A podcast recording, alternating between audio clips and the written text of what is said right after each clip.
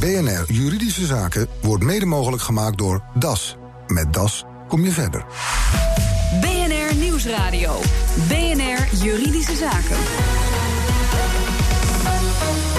Van Liemt. Goedemiddag. Vandaag. De rechtspraak moet meer kennis hebben van cybercrime. Dat vindt president van het Haagse rechtshof Leendert Verheij. Maar hoe krijg je dat gedaan? En 2,5 jaar geleden vreesde hij vanwege forse bezuinigingen en een grootscheepse reorganisatie voor ongelukken in de rechtspraak. Hoeveel ongelukken is hij tegengekomen? Welkom, Leonard Verheij. Ja, meneer Verheij, beginnen met de cybercrime. U heeft onlangs uw zorg uitgesproken over de kennis van cybercrime onder de rechters. Uh, hoe ernstig is het daarmee gesteld?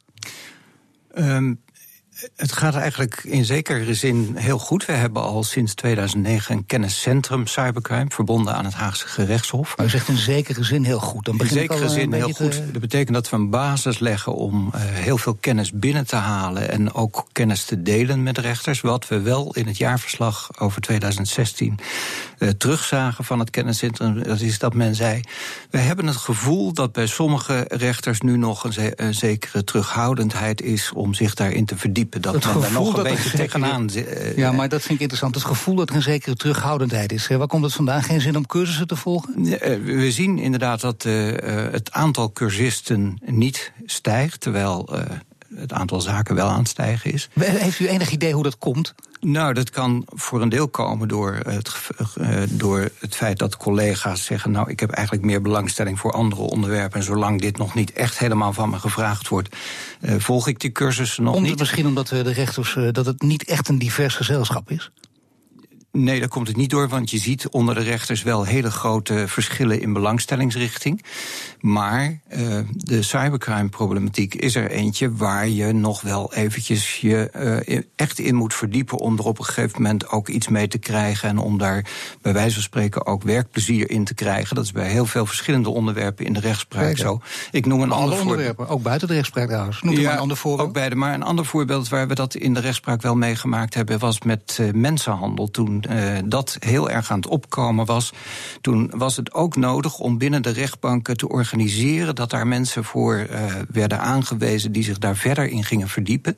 Er is op een gegeven moment zelfs een landelijke afspraak gemaakt dat iedere rechtbank een eigen kamer daarvoor, een vaste kamer daarvoor in het leven riep, om zo de mensen de, uh, meer kennis en meer ervaring bij te brengen. Ze deden daardoor expertise op op dat terrein. En dat is iets wat in de komende tijd ook bij cybercrime nog verder zal moeten gebeuren. Want kun je zeggen dat bij cybercrime het nu zo gesteld is dat het uh, kennisniveau het minimale niet overstijgt? Nou, uh, bij een aantal rechters is dat beslist uh, veel positiever.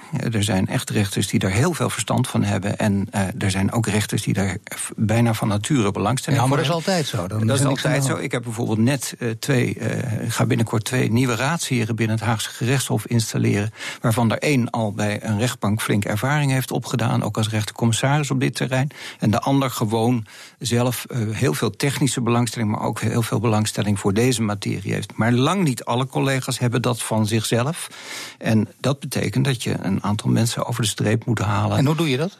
Dat doe je uh, door in loopbaangesprekken met mensen na te denken over welke richting ze de komende jaren nee, uitgaan. Wacht en voor een deel doe je dat. Sorry dat ik er de reden van, maar het gaat over cybercriminaliteit in loopbaangesprekken. Dat duurt me allemaal veel te lang. Nee, nee, het gaat nee. veel te rustig. Nee, ik zou uh, zeggen, de zweep erover. Ja, dat doen we niet. Maar uh, het is natuurlijk zo dat als het aantal zaken opeens oploopt, dat rechters ook worden aangewezen.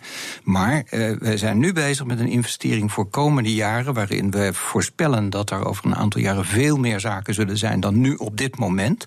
Ja. Er is dus een soort groeimodel nodig. En daar kun je nu met rechters over spreken. Wie gaat er komende jaren die richting op? Maar is het vooral onwil of heeft het ook met uh, te weinig geld te maken? Nou, de keuze van individuele rechters heeft natuurlijk niet met te weinig geld te maken. Heeft ook niet zonder meer met onwil te maken. Wel met onbekendheid. En uh, soms even een duwtje moeten hebben om die richting ook uit te gaan.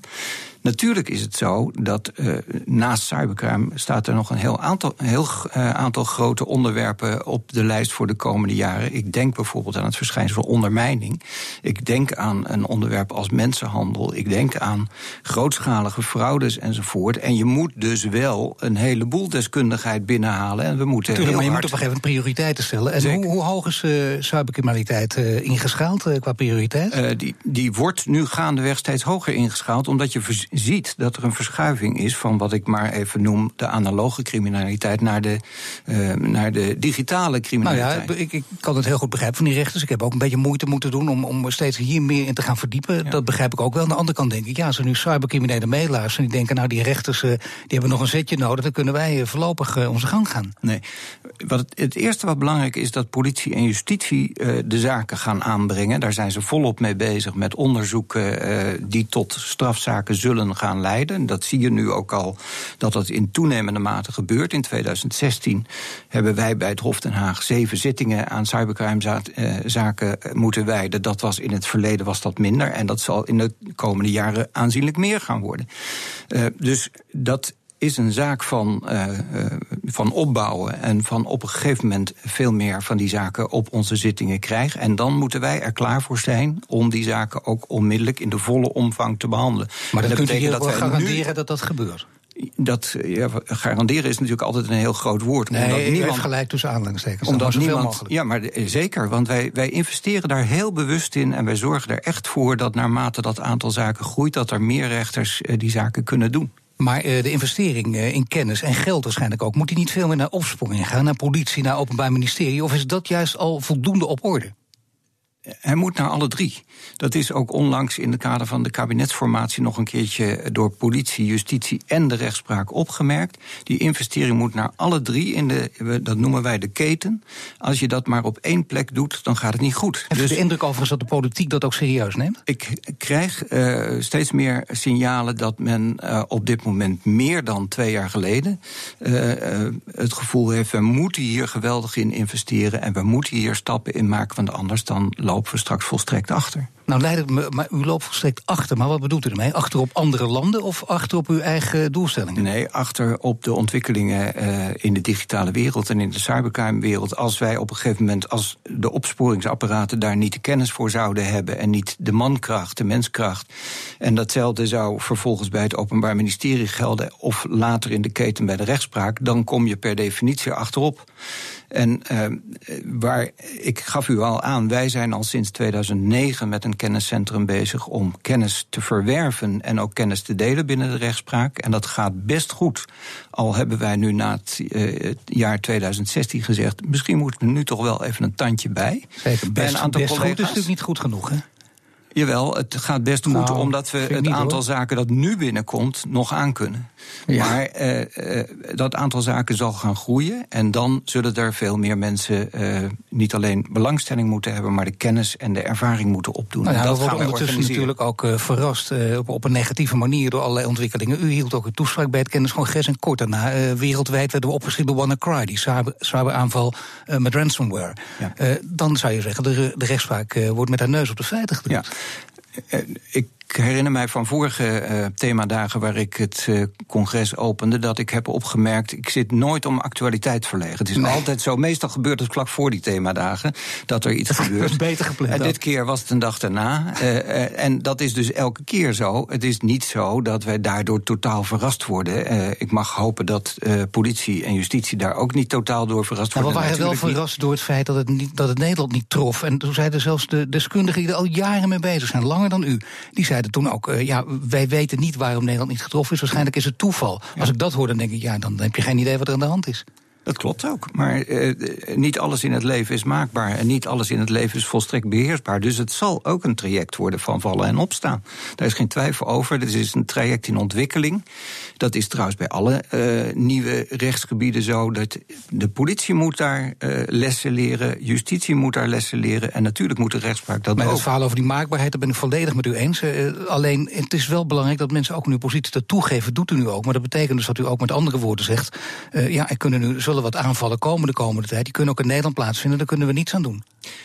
Ja, dat is nog weer een andere vraag. Kijk, als aanvallen nou. in Nederland gevolgen hebben, dan kan het best zijn dat de daders in het buitenland bezig zijn. En dat dat dus een hele internationale kwestie is. Dan is het nog maar zeer de vraag of dat dan een zaak voor de Nederlandse rechter gaat worden. Het omgekeerde kan overigens ook gelden dat in andere landen men daar heel veel last van heeft en dat de daders juist in Nederland actief zijn. Dus dat is allemaal uh, niet uh, één op één aan elkaar te koppelen. Uh, het feit dat er zich fenomenen zullen voordoen waar waarvan het heel lastig is om snel te ontdekken wat is nou precies gebeurd. Ja, dat is in de gewone criminaliteit ook zo. Soms zijn er langdurige onderzoeken nodig om na twee jaar te constateren, zo is het toen gegaan. Ja, maar op dit gebied, dit is, een gebied, dit, is gebied, dit is een gebied in ontwikkeling, dat zien we natuurlijk heel vaak. En dan kun je ook weinig gaan doen. Dan loop je altijd achter natuurlijk op een paar hele slimme criminelen die de eerste stappen zetten. En dan is de boodschap heel vervelend van autoriteiten: van ja, helaas, daar kan ik niets aan doen. Maar dan moeten we ons misschien met z'n allen bij neerleggen. Er zijn twee dingen uh, die we dan moeten onderscheiden. Namelijk, wat kan je doen op het moment dat er iets gebeurt? Daar gaat de rechtspraak natuurlijk even niet over. Daar zijn wij niet mee bezig. Wat kan je doen om achteraf te constateren wat is er nou precies gebeurd en wat betekent dat voor de berechting van mensen. En die laatste vraag, dat is een vraag waar ik mij helemaal niet zo zorgen over maak dat we daar voortdurend alleen maar achter de feiten zullen blijven maar Kun je dan uh, cybercriminaliteit uh, omzetten uh, in strafmaten, naar strafmaten uit de analoge criminaliteit, de gewone criminaliteit, dus aanhalingstekens? Ja, er zijn specifieke strafbepalingen die op cybercriminaliteit betrekking hebben, maar wat er in de digitale werkelijkheid gebeurt, dat heeft soms ook met hele uh, ja, traditionele criminaliteit te maken. Ik noem een voorbeeld. Als iemand uh, langs de digitale weg afgeperst wordt, dan is afpersing een delict dat we al heel lang kenden voordat de computers uitgevonden werden. Zeker. En zo zijn er de diefstal bijvoorbeeld, dat kan zich ook in de digitale werkelijkheid voordoen. Daar hebben we uh, met het juridisch begrippenapparaat even in het begin mee moeten stoeien. Maar niettemin, dat kan op een digitale wijze, maar dat delict is zo ongeveer zo oud als de wereld. Uh, u bent de jongste niet meer, dat zeg ik met alle respect. Uh, bent u zelf heel goed op de hoogte van uh, cybercriminaliteit? Van alles wat er gebeurt op dat terrein? Nou, niet van alles wat er gebeurt. Dus ik mag u vijf hele lastige vragen stellen. Kunt u allemaal antwoord op geven op dat gebied? Nou, dat denk ik niet. Ik weet niet nee. hoe lastig ze worden. Maar dat is ook nou, mijn, maar niet doen, hè? mijn taak niet. Om, om helemaal van alle details van, nee. op de hoogte zijn van wat er in mijn gerecht berecht wordt. Want dat spectrum is natuurlijk nog ongelooflijk veel breder dan alleen maar cybercriminaliteit. We hebben ook een, een belastingssector waar heel veel gebeurt, waarvan ik de details niet ken kan ik u verzekeren. En we hebben ook in de civiele sector hele grote zaken waarvan ik niet alle details ken. Dan heb ik straks een andere vraag voor u. Zorgt de werkdruk van rechters voor ongelukken in de rechtspraak? BNR Nieuwsradio. BNR Juridische Zaken. Ruim twee jaar geleden was Leonard Verheij, president van het Haagse Rechtshof, uitgesproken over de gevolgen van de werkdruk en de grootscheepse reorganisatie die wordt doorgevoerd in de rechtspraak. Te veel zaken moeten te snel worden afgehandeld. En dat betekent vroeg of laat ongelukken. Verhey toen. Ja, dat risico is dan heel groot. Want de individuele rechter staat voor het dilemma ofwel proberen die zaak dan toch maar in een zekere snelheid door te zetten. Ofwel te zeggen, nu gaat het echt niet meer en dan gaan die zaken de plank op. En dat zijn ook ongelukken. En dan gaan we naar eh, de heer Verheijn nu, want sindsdien werd een deel van de bezuinigingen teruggedraaid. Betekent het dat u nu ook minder bezorgd bent dan een paar jaar geleden?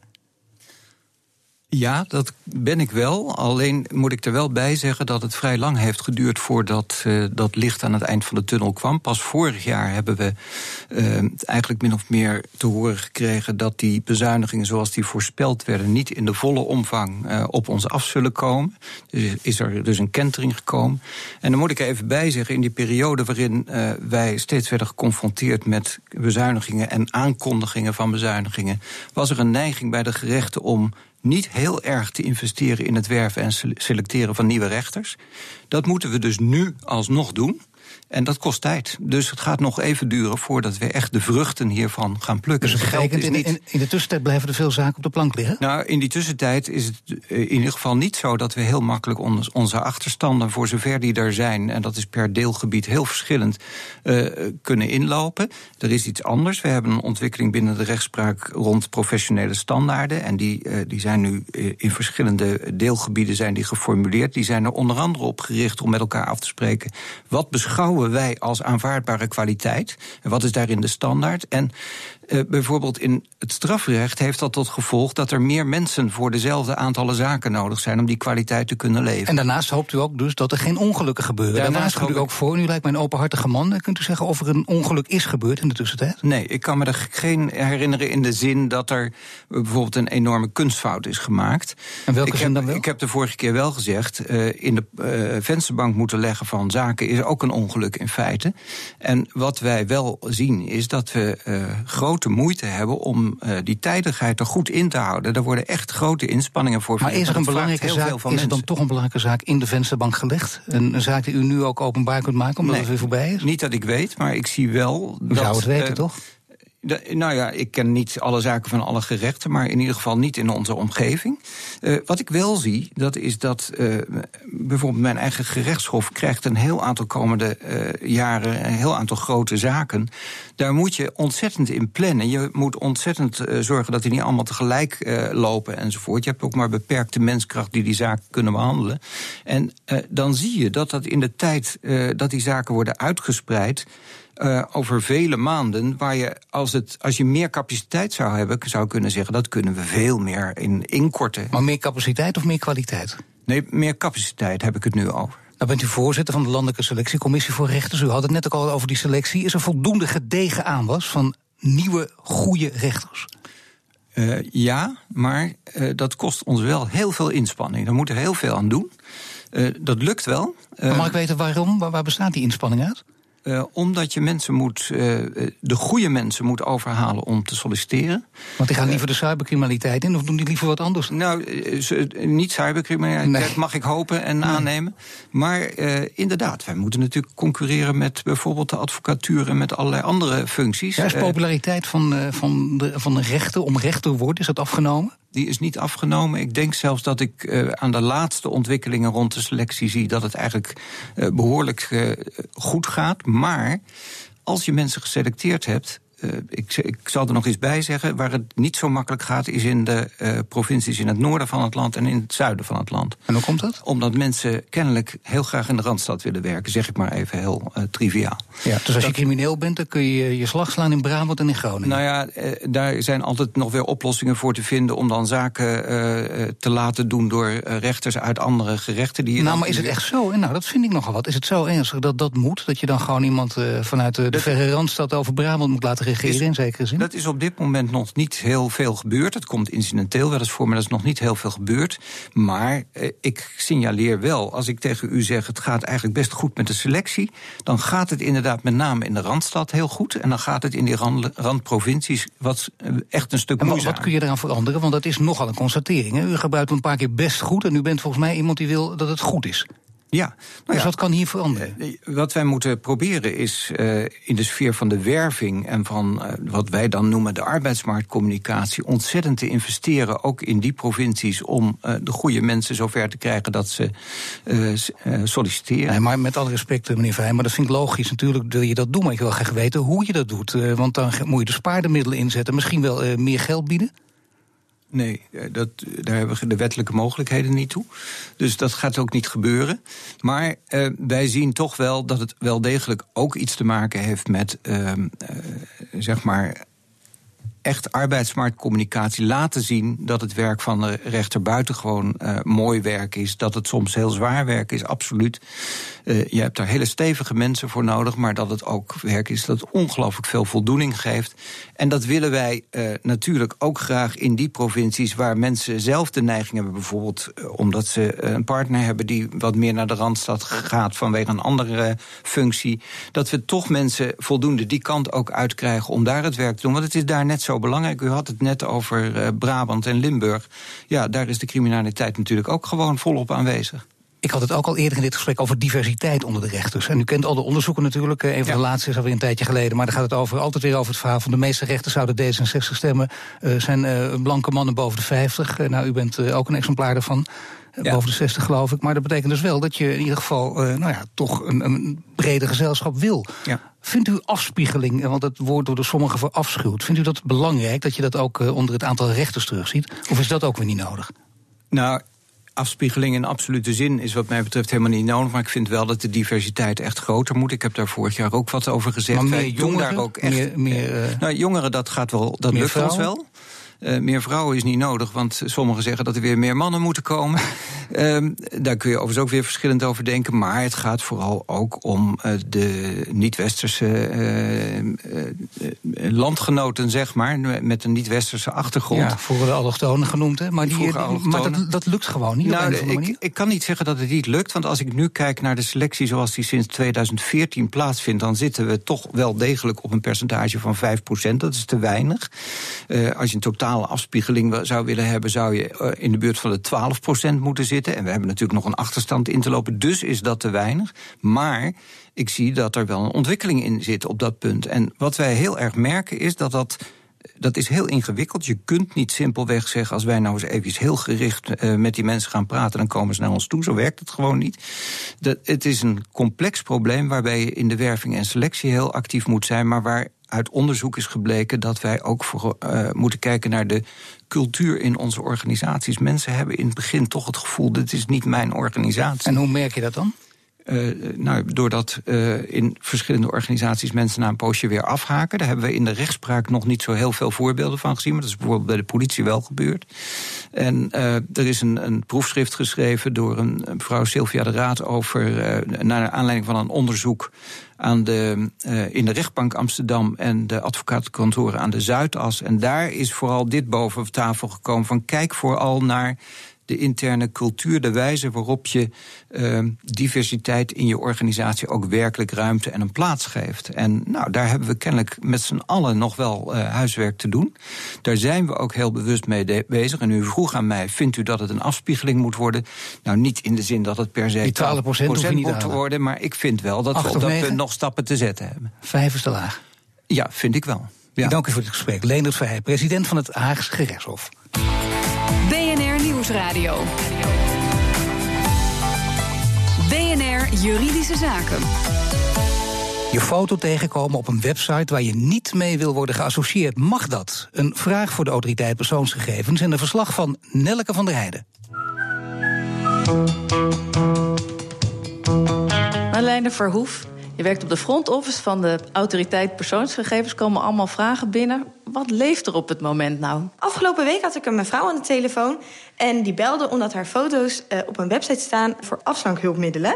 En uh, nou ja, ze heeft daar nooit toestemming voor gegeven. Ze vindt het ook erg vervelend dat die foto's erop staan. En die vrouw vraagt: ja, wat kan ik er eigenlijk tegen doen? En mag dit zomaar? Lisette Rutgers van de Autoriteit Persoonsgegevens. Een vrouw ziet haar foto bij afslankmiddelen op een site voor afslankmiddelen. Kan me voorstellen dat ze daar niet op zit te wachten. Wat kan ze doen? Nou, dat kan ik me ook goed voorstellen en dat mag ook helemaal niet zomaar. Als je foto's op internet publiceert, moet je altijd toestemming hebben van de mensen die op die foto staan. Deze mevrouw kan verschillende dingen doen. Maar het eerste wat ik zou aanraden is dat ze naar de websitehouder gaat... en vraagt om die foto onmiddellijk te verwijderen. Want die websitehouder is daartoe ook verplicht... op grond van de wet bescherming persoonsgegevens. Op onze website kun je een uh, voorbeeldbrief vinden... waarop je zo'n verwijderverzoek kunt doen. Maar wat als die man of vrouw toch weigert die foto te verwijderen? Ja, dat is hartstikke vervelend. En uh, in dit geval zijn er meerdere wegen die een mevrouw kan bewandelen. Niet alleen de wet bescherming persoonsgegevens is namelijk van toepassing toepassing. Mevrouw kan bijvoorbeeld overwegen om aangifte te doen bij de politie van smaad of laster. Een andere weg die ze kan bewandelen is stappen naar de civiele rechter uh, wegens een inbreuk op haar portretrecht. Ja, dus ze kan op een of andere manier die websitehouder wel aanpakken. Maar ja, die foto heeft zich misschien al verspreid. Kan ze daar dan nog iets tegen beginnen? Iets wat ze in ieder geval kan overwegen, sowieso, is het Google verwijderformulier invullen en vragen of die foto niet meer verschijnt in de zoekresultaten bij het zoeken op haar naam bijvoorbeeld. En dat zegt Lisette Rutgers van de Autoriteit Persoonsgegevens in een verslag van Nelke van der Heijden. Heeft u ook een juridische vraag? Mail hem naar juridischezaken.bnr.nl. En dit was de uitzending voor vandaag. U kunt de show terugluisteren via bnr.nl/slash juridische zaken. Mijn naam is Paul van Diemt. Tot de volgende zitting. BNR Juridische Zaken wordt mede mogelijk gemaakt door DAS. Met DAS kom je verder.